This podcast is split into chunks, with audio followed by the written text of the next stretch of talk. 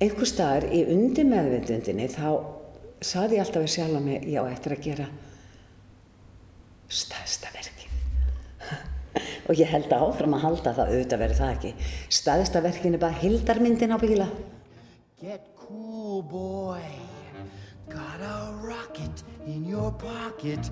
Keep coolly cool, boy. Don't get hot, cause man, you've got some high times ahead.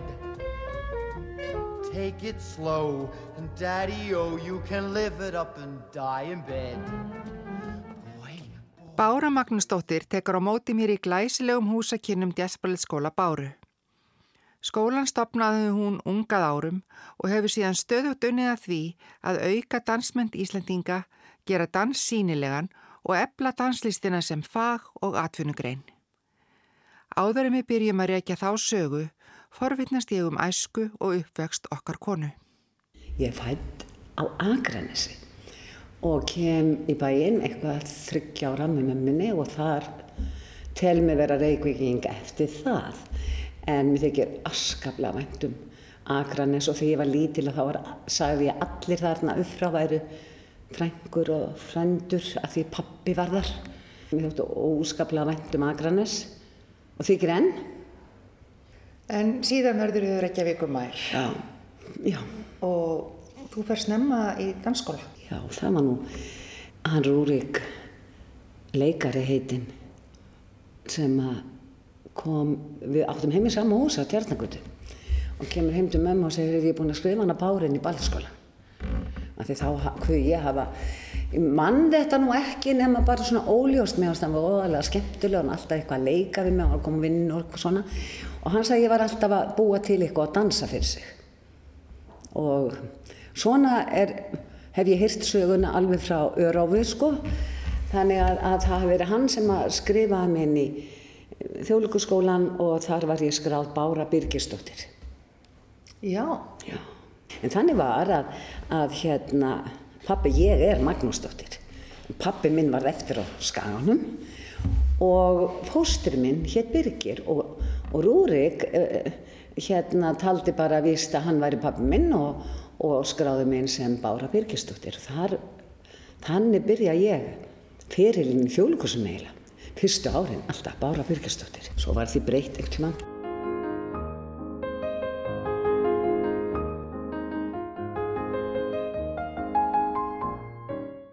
Það var alveg sérstök tilfinning, bara húsið. Það var náttúrulega í þjóðlíkusinu. Og lyktinn. Fengum við sundum að fara þarna á svalir og kíkja henni á svið, var við að æfa. Og þetta var ótrúlegur heimur og, og ég var enga stund að búa til alls konar æmyndir í þessu húsi og kennararnu voru Bísteð og Lísa konunars og tölu náttúrulega bara dansku en þetta var svona ég finn ennþá fyrir svona einhverju svona svona lotningu eiginlega að, þú veist, svona vera vola prúð og, og hérna einhvern veginn. Ég átti rosalega gott að, að mega fara þarna og fara í tíma og, og, og, og ballettin og tónlistin og þetta var alveg umsvegarlaust mitt líf. Það var bara fór inn í hverja taug. Þannig að Rúrik hefur alveg lesið rétt, þessi stúlka á að dansa. Já, hann gerði það.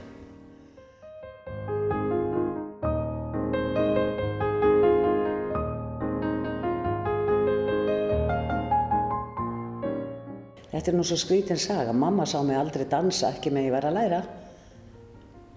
Man ekki hvort hún kom út. En hér voru aldrei nefndasynningar. Og ég var náttúrulega bara í ballett, það var bara kentu ballett. En þegar ég tólf áraði eitthvað svona, skólaskemtanir svona, það fór ég að búa til.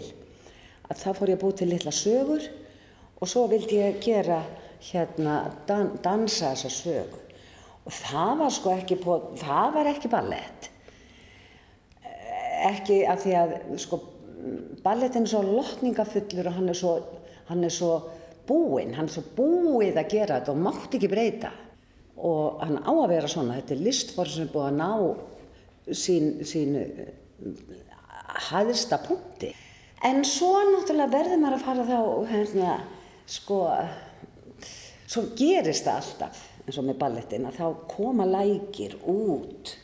En það voru það ballettdansara sem að setna verða svo, þetta verður kallaði jazzballett eftir Vessastóri, en þetta voru allt klassisk dansara sem fóru og, og, og djömmuðu svolítið og, og úrvarði nýr, nýr, nýr braud nýr angi af listansi. Píratarnar voru allt í einsnúnir og í plíi. Rosalega töf. Ég haf náttúrulega séð dans og söngamyndir og það sér maður allstað moment. Ég fó líka í samkvæmustans, það var ekki fyrir mig. Mér varst ekkert gerast. Ekki neitt. Engin skemmtileg saga til að tengja við? Nei, þetta var ekki, þetta var, það var ekki fyrir mig.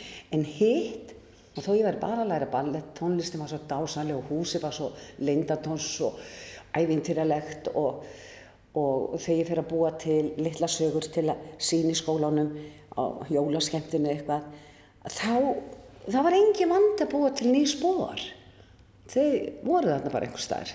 Það eru allir, allir búið að hissa einhvern veginn. Hissa, þú eru að gera svona og og einhvern veginn, já, þetta var skrítið svona, allir ekkert að tala neitt. Nei, við tölum ekki í dansinum, við tölum bara með hreyfingunum og, og ég var yngum andrað með, ég, ég tók fleiri skólasískin og letu gera hitt og þetta og þó ég væri svona aðal og dansa eitthvað. En já, ég mann það, ég mann það að, en hérna heima fekk ég ekkert nema ballettinn og svo bíómyndir og svo kemur Elisabeth Hudson sem var ennsku kennari. Þá er ég 14, 15. En allavegna það fyrir hennar tilstilli að ég kemst inn í Arstification í London. Hún hafði verið kennar þar og um, hún sagði þú ert að fara þángað. Og, og þángað fór ég.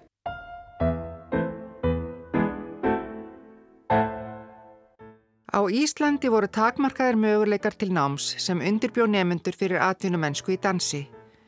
Báru var full alvara með að feta þá braut og 16 ára gömul fer hún til náms við Arts Educational í London. Nei, já, já, þetta var bara allt svo ung. Þetta var bara hérna og, og, og, og þannig var mín kynnslóð og líka mömmu minnar. Mm -hmm. Þannig að eftir stríðis og svona. Fólk byrjaði lífi fyrr. Það þótti einhvern skríti þó ég færi út 16 ára og ég bjó aldrei heima eftir það. Það fannst einhvern eitt skríti. Þetta var bara eðli og gangu lífsins.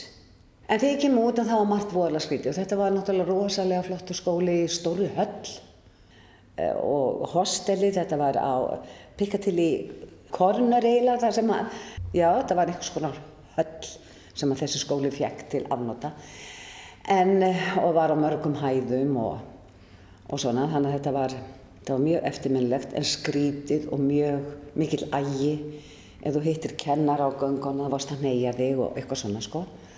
Og í heimaðurstinni þá þurftur að skrifa nafnið þitt í bók þegar þú fórst út á mótnana og heima á kvöldin sem er náttúrulega eðlegt að þetta passa okkur. Og svona þannig að þetta var mjög öðruvísi líf. Klukkan tíu var það búið að slökka ljósið hvort þú varst í miðjum kafa þú að ballettbóliðinn það bara var ljósið. Og þetta fannst mér búið að skrita enda verið í þrýsasunum sendil skólastjóra. Ég, besta barnið hennar mömminar að ég segi já ég ætlaði bara að klára að þvó ballettbóli minn. En í Englandi þá átt ekki svona einstaklingsrætt þú gerir bara eins og reglurna að segja. Ég segi já en ég, þetta var svo lítið eftir. Ég ætlaði að slökka ljós eftir fimm minnir nei þá slökkaði klukkan tíu þetta er eitt af því sem ég mann en auðvitað lærði ég margt. Ég lærði að bera virðingu fyrir listinni. Í Englandi þykir það ekki neitt skrítið að vera dansari. Það er bara að vinna eins og hvað annað og bara eðlegastu hlutur. Því ég kem heim, það er bara að horta á mig eins og ég segi deguróa eða hvort ég ætla aldrei að vinna neitt í lífinu eða, eða hvað ég ætla að gera eiginlega. Ég var að eyða tíma mínum í einhverja vittlesu en lífið inn í skólanum var náttúrulega algjört æventýri og eiginlega ennþá þegar ég líti baka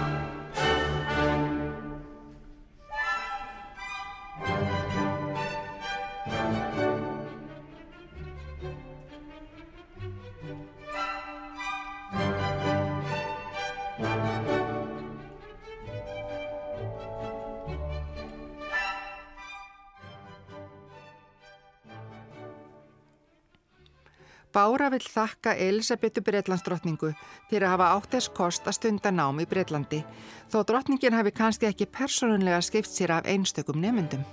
Eftir á að higgja þá fór maður að hugsa hvernig hefði mamma mín efna á því að senda maður á svona flottan skóla.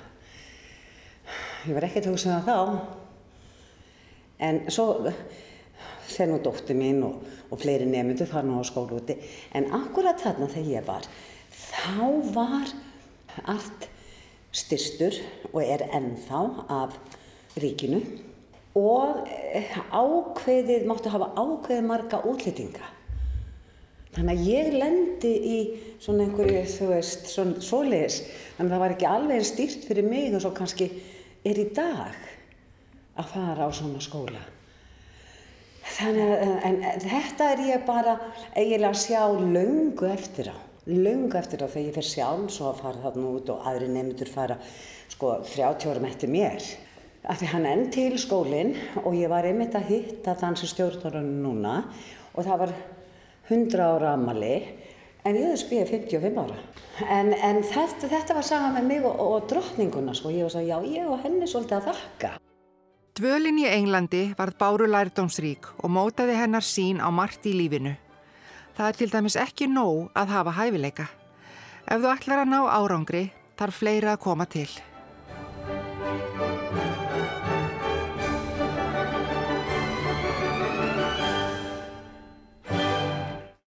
Hversu dúleg erstu? Líka ekki bara hversu hæfileikarík erstu. Hvað viltu gera mikið?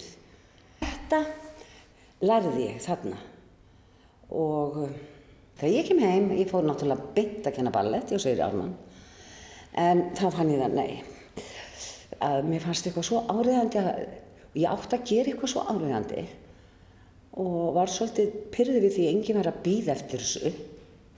Og, og ég meina, ég var að taka salulegu, ég ætla ekki að vera kennarinn eitt, ég ætla bara að taka svona nánskeið og svona aðtöðamálið og og helst bara síningaflokk eitthvað svona smá til að það sem ég sá var það að það þyrti að þetta þyrti að verða sínilegt þú getur ekki bara verið að æfa inn í sál og aldrei að sína fyrir úr orðin heimsfræð eða eitthvað að þú ert án svo góð og, og alltaf þá að fara að, að sína ef við eigum að eiga íslenskt tal í listinni þá verður það að koma frá okkur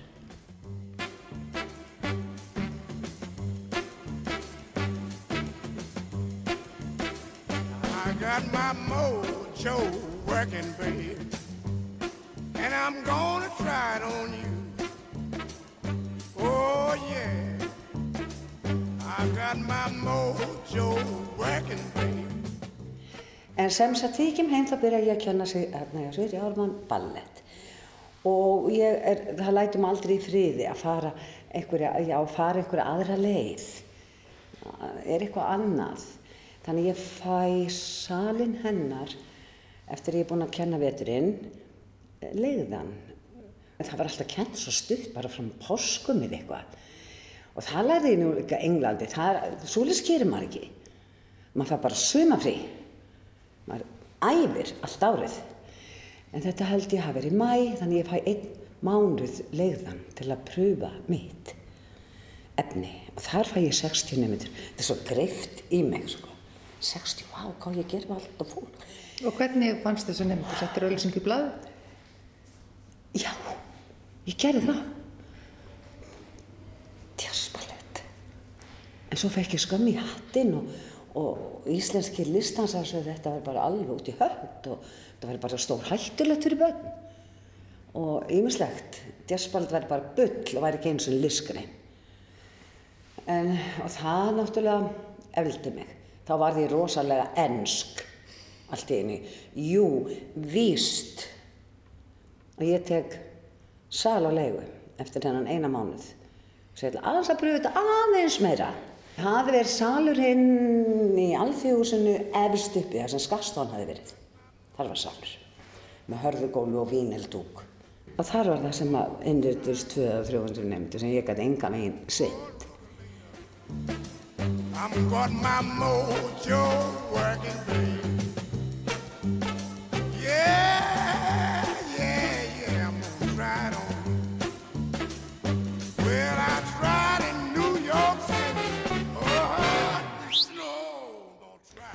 Og einhver staðar, ég, þá ég ætlaði ekki að opna skóla og ég ætlaði ekki að vera kennari, það var samt að þessu. Og, og mín upplifin var einhvern veginn þessi, það veit enginn, það veit enginn, það er leiklist, það vita það allir. Fólk fer í leikús og það hlustar á söng. En dans átti annarkost að vera á einhverju búlu, kannski nektadansið eitthvað, eða, eða hvað var það eiginlega? Það var ekkert svona neitt, svona listi eða svona það. Og þetta var bara alveg skelvileg uppgötum fyrir mér. Og þar kemur námið og innrætingin, enska, svo mikið að gagni að ég var að standa upp fyrir greininni, fyrir mér. Og þarna, þarna er einmitt verið að stopna Danskennararsamband Íslands ég hafði verið að kenna hjá Sigri Ármann ballett og Sigri ringir í mig og sagði alltaf ekki að sækja mig félagið og nú erum við að stopna félag, kennarfélag. Ég segi jú, en ég er jazzballett. Nei, takk, það er ekki með, þá er ég ekki með. Já, þú ert að kenna ballett. Nei, ég er ekki að kenna ballett, ég ætla að kenna ballett og jazz. Akkur ég gerði þetta ég, og ég leið fyrir þetta og þetta var mjög erfitt, það er rosalega erfitt að með engi vil vera menn. Það er ekki þægilegt, þetta er bara vittlisa, ég átti bara að segja já eða eitthvað en ég sagði ekki já, ég sagði nei, ég kemdi að spöld. Þannig að þú er átt svolítið sterk að sína það hvar þú viltir staðsetja. Heyrðu, sínin var nú ekki sterkar en það að ég ætlaði aldrei að vera með skóla. En, en hún var þarna, það er eins og ég, og ég er ofta að hugsa að það eins og ég, að ég hef verið dregin áfram einhver aflið, það var alltaf eitthvað til þess að ég var að taka næsta skref. Og þarna var það, alþjóðsinn að segja, nei, ég verði að fá enska kennari með mér. Af því að enginn á Íslandi trúur á mig.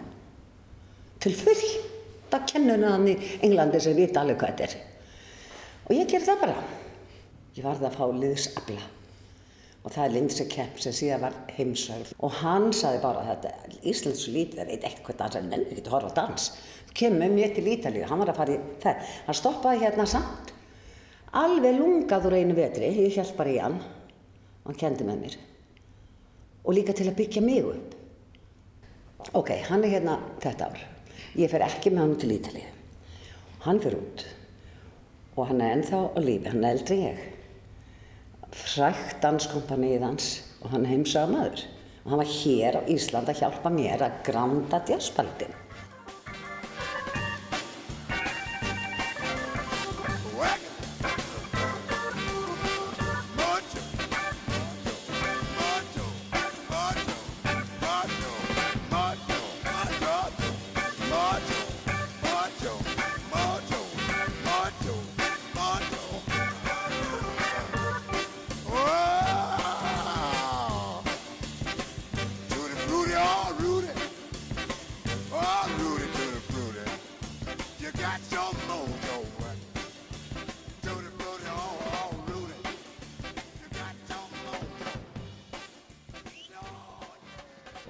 ég var búinn að þarna með Sigri Ármann og það voru 60 nemyndur og ég tek hann á leigu efstu hæðina þarna í alþjóðsunu að þetta var dýrlega.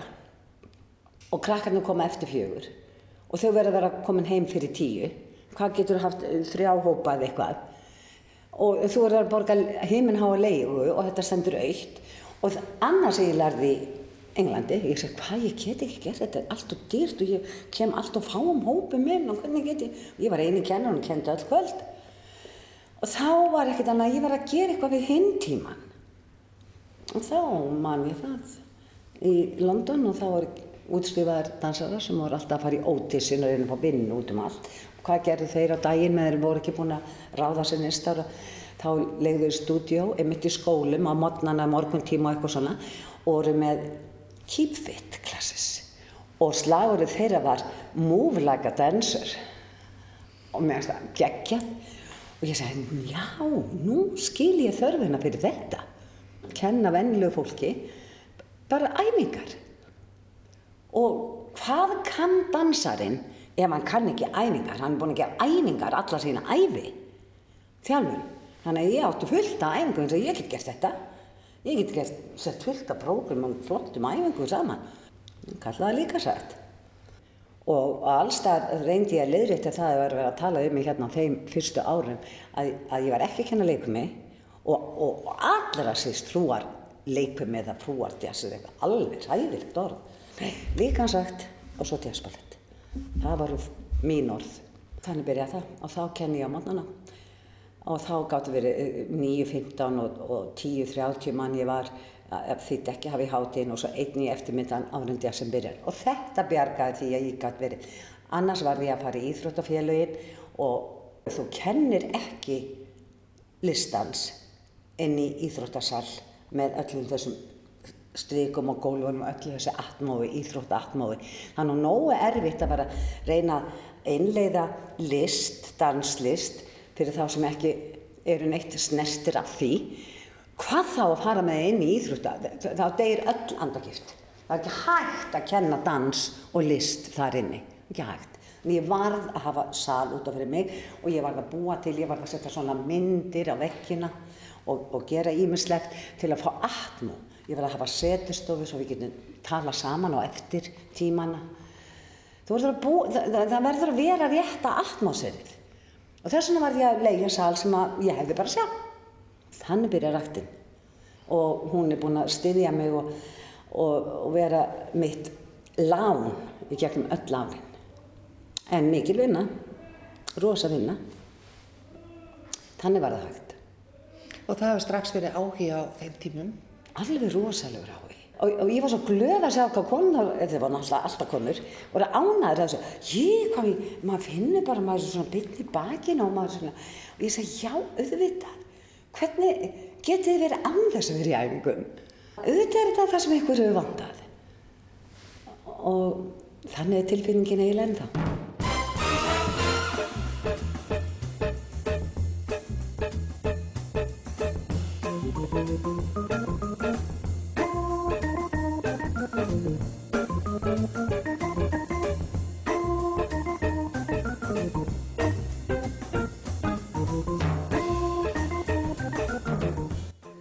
Fyrstu árin kendi Bára alla tíma í líkansfræktinni fyrir part dags og svo tók jazzballettin við setnipartin.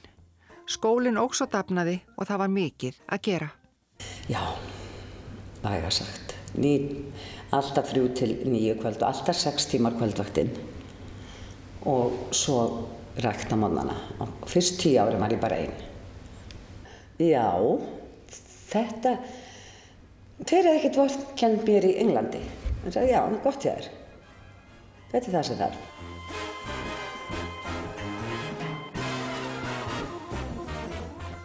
Og einhver staðar á leiðinni þá ákvæði það að ég væri sennilega orðin skóli.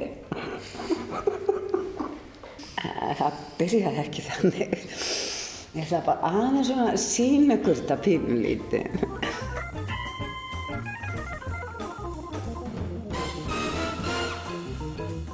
Ég var mjög stolt þegar ég reyði fyrsta kennaran í tólmána laun. Fyrir ykkur, nýsöfri. Mér fannst þess að, já, nú erum við aldeilis, uh, sko, straight forward, sko. Þetta er orðið atvinna og við meðum ekki vera svo snobbuð. List er ekkert annað en vinna. Að við meðum ekki bara að, að listamenn, að ég bara aldrei, ég ætla að býða fyrir einhver hjálpið með að gera, en þetta er ekki svona. Farðu bara til Englands og spurðu þá. Það er ekki svo list, þú verður bara að gera svo vel, að vera töff og dugleg. Og hérna, og, og ég var svo stolt að því þegar ég býðinni fyrsta kennarunum. Nú uh, byrjar þú í haust og með tólmánaða laun, pælti í þessu. Bara að kenna tjaspalinn.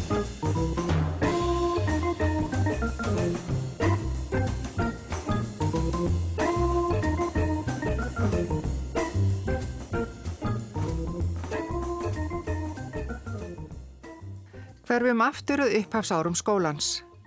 Lindsay Kemp er komin til landsins til að leggja hönd á plóg við að kynna djaspalett fyrir Íslandingum. Lindsay og Bára nýta þau tækifæri sem gefast til að sína. En var þjóðinn tilbúin til að meðtaka þetta nýja dansform?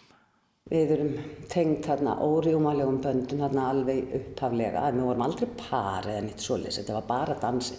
Síndum í Östubæabí og þá, þá var hér svona 50 skemmtikraftar og og, og ég var þar og hann með sillingsatriði, ég kom upp úr líkistu, nextaði alla. Og ég veit ekki okkur þetta hendi maður alltaf, ég ætla aldrei að nexla neitt en allavega þótti þetta nú eitthvað ekki vera mjög sæmilegt og þetta var ótrúlega flott. Patutöðu sem hafði lítið sérst hérna. Sem ég var mjög stolt af. En þetta var bara hvað, hún er í ribnum náttkjól, blóð á honum og, og, og, og bera lærin út um allt og hérna það var það sem fólki sá. Eða sumir eiginlega listafólkið mínir listamenn, dansarnir stuttum ekki þarna heldur. En einhver lítur að hafa stutt mig því að alltaf var mikið laðsum skólan þannig ég tók einn veitur enn og einn veitur enn. Og við fengum fleiri útlendakennara það voru útlendakennara með mér þetta fyrsta árin til þess að vera með mér í liði. En svo var nú allt inn í liðin 17 ár og ég fór inn í DI. Þannig að þá var allt komið í sátt og samlindi og jazzballett mátt alveg vera til og, og með þess að fekk ég yngöngu í félag íslenska listasaga. Og nú er ég með heiðusmerki frá þeim. Serðu nú, serðu nú söguna? Þannig að þér tókst að breyta þessari Já. hugmynd um Já. hvernig dans ætti að vera. Já, og hvernig að bara, hvern, ekki endilega hvernig hann á að vera, bara hann á að vera, ekki hvernig hann á að vera, hann á að vera. Hann er hluti af menningunni. Ef þú ætlar að hafa danslist sem hluti af íslenskar menningur, eins og leiklist og eins og tónlist og eins og, þá verður hann að eiga rætur í fólki. Ekki bara 20 manna hóp, heldur þjóðinni. Og það tekur tíma, 55 ári kannski ekki rosa langu tími til að gera það. Vera með, vera með eitthvað, þú, þessuna eins og englendingar segja, þú verður að vera duglegur. Já, nú þá bara er að vera duglegur. Þá er allt í einu að þeir sem ég kendi hérna einhvern tíman eru núna að koma með börnin sín og þau vita það, ó, það er svo gaman að koma að nefnda sig, það er svo flotta. Eða þegar flokkurinn var að sína í Jöðsbíð, fólki kom, ó, flotta síningar, svo gaman. Allt í einu er þetta orðið sjálfsagt, sjá tjarnabíó. Allt í náttúrulega sjálfsagt að séu síningar. En það er enginn sem gerir þetta fyrir okkur.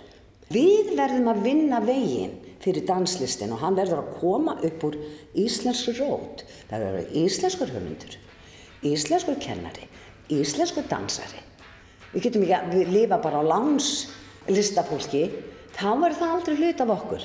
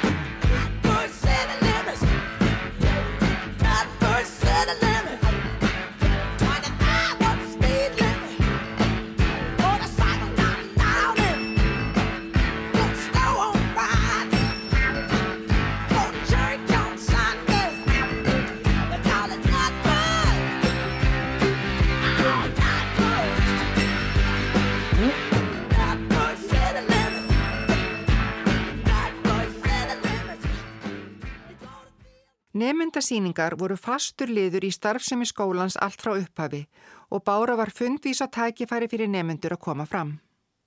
Enginn fekk aðgang á leikursum. Það var ekki fyrir löngu, löngu setna nefndasýninga fóru að leikursum fóru að opna og leifa nefndasýning og danssýning og kom inn í leikursum. Þannig að þín leið var að búa til atriði og finna þeim stað já. inni í Já. samkvæmislífinu meira. Já, einhver starf, út um allt. Það var, var að gera svolítið. Að það, það, og það er, þegar þú lítið tilbaka, þá er, var eiginlega ekki hægt að hoppa yfir neitt.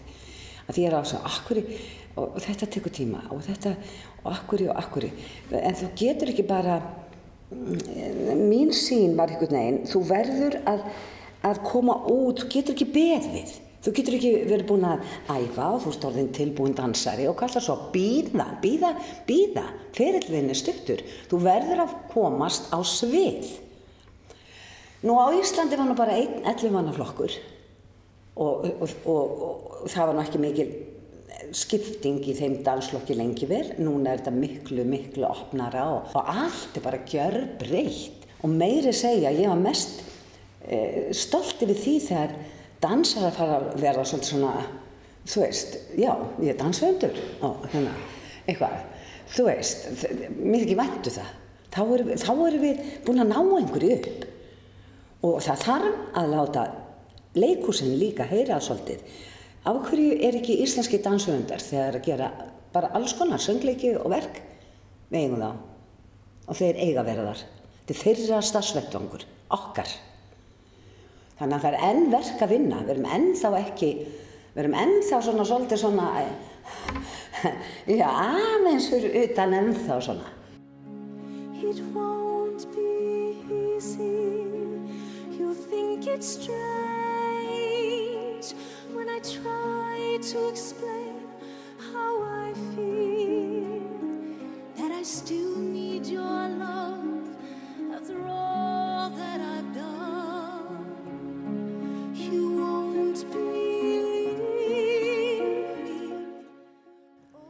Nemynda dansflokkur Djarsbældskóla Báru, dansflokkur JSB, eldist með ári hverju, síndi atriði á ásatíðum og setti upp síningar á skemmtistöðum.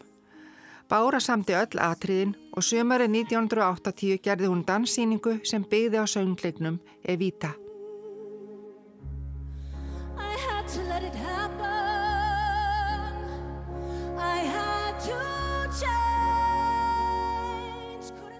Evita, við- það vorum við alltaf að gera, settum saman djáknan og myrka og, uh, og, og, og svona, svona ör, eiginlega eins og við gerðum í dansleikunum svo mörgum ára setna, bara ör svona og vorum kannski með svoleiðis þrjú stykki á kvöldi og vorum kannski með þetta þrjár helgar og svo skiptum við um sjó. En svo kom Evita og ég, hérna, Óli Gaugur útsetti tónlistina og hann sagði bara að þetta gengur aldrei á vínveitingastað 50 mínútur að láta fólk sita og horfa á dansverk í 50 mínútur. Ég sagði, jú, hafði ekki ágjörð því. Þú bara útsettur þessa tónlist hérna. Don't cry for me, Argentina. The truth is I never left you. Og síðan var allt þetta bara að vera eina eða tvær helgi eins og hinn sjóin. En þetta bara alveg toppaði allt. Og, og vill á sögur rosa ánæður. Og þetta var bara allt sumarið. Yfir mat, alltaf. Þannig að við vorum mjög, mjög ánæð. Og, en sko, þetta var dansverk. Í Evitu orginal, London Evitinu, þar er ekki dansað. Það er bara sungið og leikið og svona.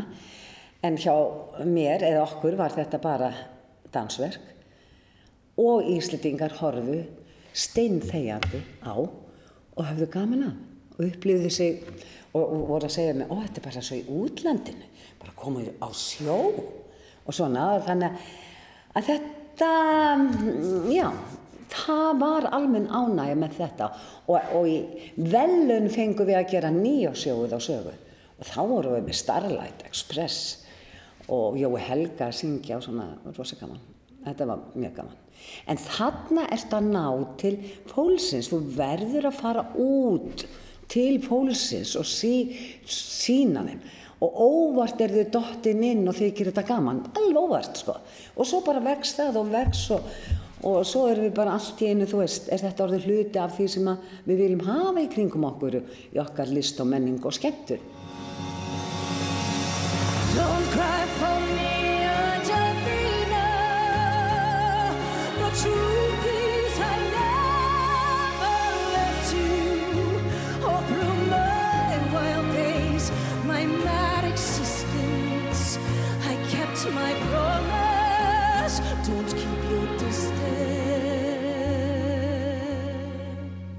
Dansflokkur JSB réðist í það stórvirki að sína frumsamin íslenskan söngleik, Jazz In. Sýningin gekk afar vel en þetta var dýr útgerð og tók sinn toll. Það var alveg tveggja tíma sjó, bara vennilegt sjó. Sýnt 11 sinnum og, og hérna, og sviðismynd, smíðuð út í bæ og, já, já, jazzinn, þetta var með söngurum og og þá, ég var, ég held alltaf að ef ég myndi, mér takast það að það maður myndi vinna sér einhvern svona og ég var um 14 manna danslokk í djassin, þetta var rosalega flott og Pálma að syngja. Frumsamið efni að þá myndi eitthvað gerast. Og auðvitað gerðist eitthvað en ekki eitthvað bara wow þetta var bara hluti af keðinni og svo bara áfram. Og þetta var enga flokkur með frumsamda tónlist og frumsamið efni síndi 11 sinnum 11 sinnum í röð algjört met. En það var ekki ofnbjörn stuðningu til dæmis við það Nei. verkefni? Nei. ég borgaði sjálf. Og það var svo gaman að koma upp á æfingarsæði þegar sem að hljónstum var að semja tónlistina. Er það svona sem meina, er það þetta og þetta? Æ, þetta var náttúrulega þetta er líka, líka pínu eigingirni að því mér fannst það svo gaman. Að, að þetta var ekki fórn, skilur þetta var ekki fórn. Maður þurfti að vinna þetta mikið til að eiga fyrir þessu að borga. En þetta var ekki fórn, þetta var gjöf í raun og veru þannig að maður er að maður er að sjá það þannig. Maður er að sjá það þannig að þetta er ekki eitthvað þetta er ekki eitthvað sem hún gerir þetta er eitthvað sem hún ert. Já, þetta er bara að vera babe, I don't repaint the town? I know that jazz, I'm gonna rouge my knees and roll my stockings down. I know that jazz, start the car, I know a whoopee spot where the gin is cold but the piano's hot. It's just a noisy hall where there's a nightly brawl and all. But jazz.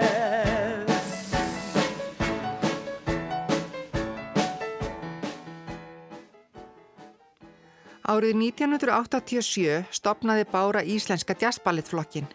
Hún réð erlenda danshöfunda til starfa og sá til þess að dansararnir fengju laun fyrir sína vinnu. Þetta var tilraun til að stopna nýjan atvinnudansflokk á Íslandi og fjölga þannig atvinnutækifærum dansara. Því miður fjæst ekki stöðningur við þetta verkefni og eftir tvö ár hætti jazzballettflokkurinn störfum. já, en svo stopnum við Íslenska djarsballiflokkin hann var, átti bara að vera styrtur af mér og ég fekk fylgt að, eða nokkra, ein, tjó, þrjá, fjóra erlenda dansöfunda og setti mig upp. En það fjöxt fyrir fjármang frá ríkinu. Þannig ég gat ekki ætti var tveggja ára tímabil held ég tveggja eða ríkja og segi nei þetta þetta er eiginlega crazy en þetta var samt gert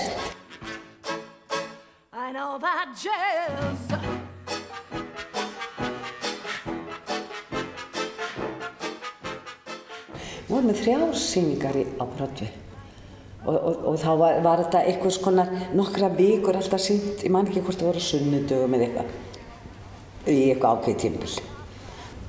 Þar fengur dansarum þessa greitt. Það var mín, það var mín þrá. Ég held að ég gæti gert þetta allt á einni mannsæði, þú veist.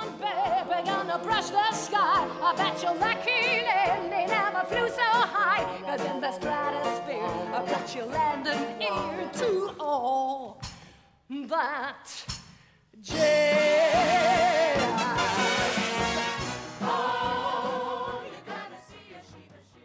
2001 stopnar Bára dansflokk enn á ný og kallar hann Dansleikhúsið. Íslenskur listans hafi sannarlega þroskast á þeim árum sem liðin voru og nú voru ráðnir íslenskir dansöfundar til að semja verk fyrir dansara flokksins og síningar voru í leikhúsum borgarinnar. Og svo verðum við þróaðari. Mér fannst við vera orðin rosalega eitthvað að vant þegar dansleikus kemur og við eru höfundir að núti sem vilja, eru með hugmyndir, vilja koma og vinna með okkur. Mér fannst það dásalegt, það var nefnilega skemmtileg uppsetning. Það voru stutt verk, kannski þrjú á kvöldi, eftir syngut höfund og, og þetta var og maður var svo stoltur af því að gera sko knöpp verk að því við verðum alltaf að hugsa um áhörundur og hafa þau svona knöpp og þrjú það heldur áhöröndur sem þú, þú ert að, þú ert að alveg áhöröndur til að horfa á dansverk, þá er það næstu því eins og uh, þú ert að kenna börnum. Ekki misbjóð með oflöngu, því án áhörönda þá miður okkur ekkert áfram. Og þetta er bara vittlis og snobb að segja það að listin sé bara fyrir listamannin nei, listin er til að gefa hana. Ef enginn vil þykja hana þá deyr hún. Það, en það þarf ekki þennan hróka í list. List er falleg. Og hún er svo opinn hún er, er eindum að tilfinningar og ást. Það er það sem drýfur listamannin áfram að það er að gefa ef einhver þykkur það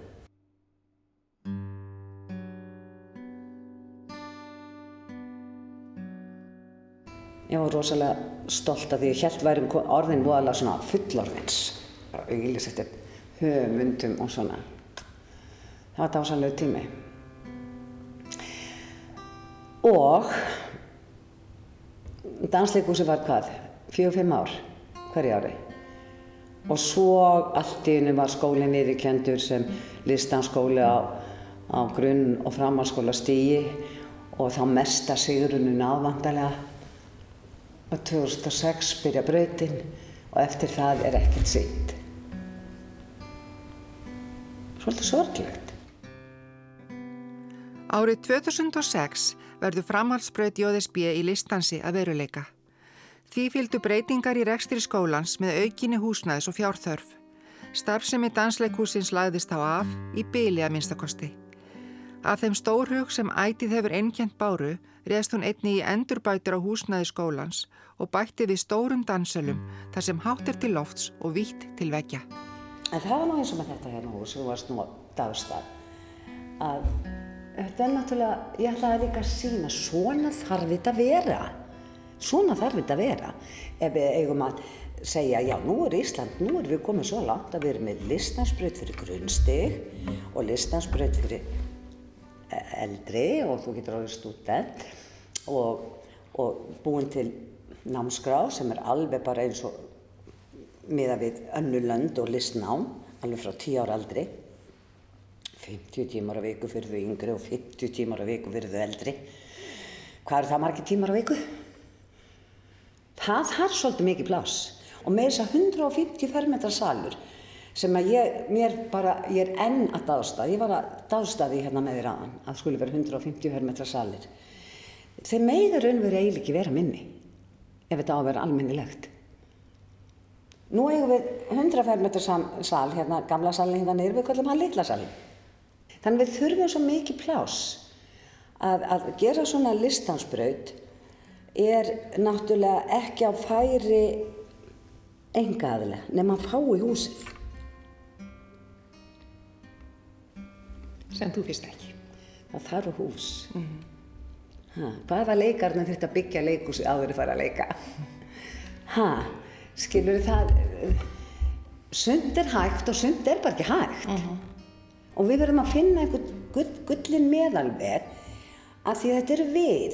Ég get ekki bara sagt, akkur er ekki ráðunit eitthvað að gera meira eða eitthvað.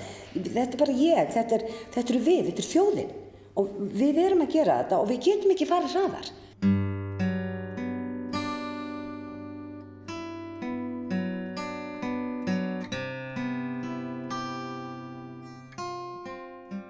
Brautin, kom aftur að henni, hún er mjög harður húsbóndi. Þá ert ekki lengur með þinn engaskóla. Þú, verður, þú ert með syllabus sem verður að fylgja og þetta er stíft prógram og, og mikið að tímum og það er bara ekki rými fyrir meira. Samt þarf það að vera. Það þarf að vera eitthvað sem tekur við fólkinu. Það þarf að vera. Brautin er búin að vera mjög, mjög strempin en samt er, er, er hún búin að gefa af sér. Fólk hefur hrúast inn og það hefur, útskrifast, það hefur farið í listaháskólan sem eins og var ekki til og það hefur farið erlendis og komið tilbaka og, og það er allt morandi á danslistamönnum núna. En við erum samt ekki komin nógu langt. En þetta er ekkit alvond þú veist, þetta er bara, þú veist, gaggrínis augun okkar. Við segjum, nei, við verðum að brúa þetta bil. Það verður að brúa þetta bil. Og enn í dag þarf að búa til annan danslokk. Því þetta fólk verður að hafa eitthvað að gera. Það verður að halda sköpunin áfram. En ekki bara hverfa til annara starfa eins og alltaf var. Það bara hverfa, ég ætla að gera það og það er svolítið svona núna, núna er allir kennararnir hérna með háskólapróf og alltaf og þessi kennir bara spuna núna, þessi kennir bara jazz núna og mér finnst þetta svolítið fullorðins eiginlega, mér finnst þetta svolítið eins og þetta sé einhver framþróun. Þá gæti verið að kenna sem, ég ætla bara að kenna nútímadans þetta árið að því að hún er að skapa sjálf og síni tjarnabíó. Við eigum þá það hús. Þannig að þá fer þetta vel saman að kenna sem stundakennari og svona.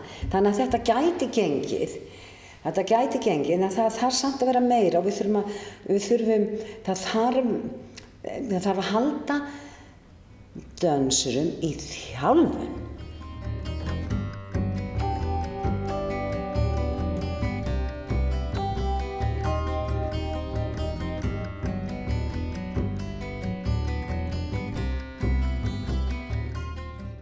En núna, eru komið svo langt að núna eru kennarar og, og, og, og, nýr vettvangur að vinna á eru grunnskólanir. Nefnum bara þú ert grunnskólakennari og þú kennir stafir í gamla dagar kent leikumi, þá kennur hreiningar og kennum einhvers konar skapandi dans. Auðvitað er það ekki sami einhvern veginn draumurinn, þú ert ekki að setja á svið og svona, en þú ert samt hluti af því að skapa þessa listamenningu, dans, sem við viljum fá.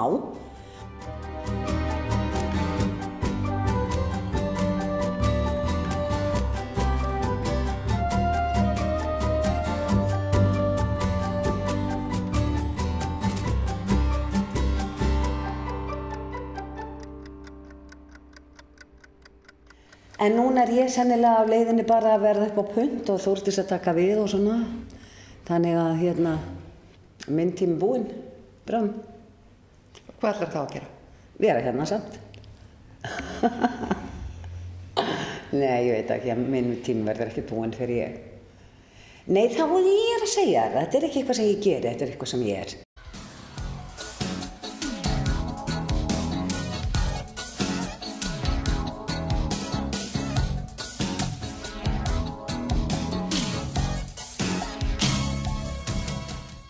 Höldum þessu bara áfram og vera ánað. Það var það sem ég er búin að taka ákvörðunum. Því í svona skapandi starfi þá verður að, þetta verður að fylla af einhverju gleði. Við verðum að hafa ánægja ferðalagin öllu, líka þessu þarna, urðagröð og upp í mót. Og við erum komin mjög langt. Við erum á hluti af leikhúsi, sem þessi tvö leikhús eða önnur hús allstaðar sem að við komum saman er leikhús ef við erum í vinninni þá er það leikhús. Þannig að hvað sem við erum þá getum við skapað og við erum að verða starri og starri og, og það er sjálfsagt að vera danslistamæður og þjóðið þarf á okkur halda. Það er bara svo lis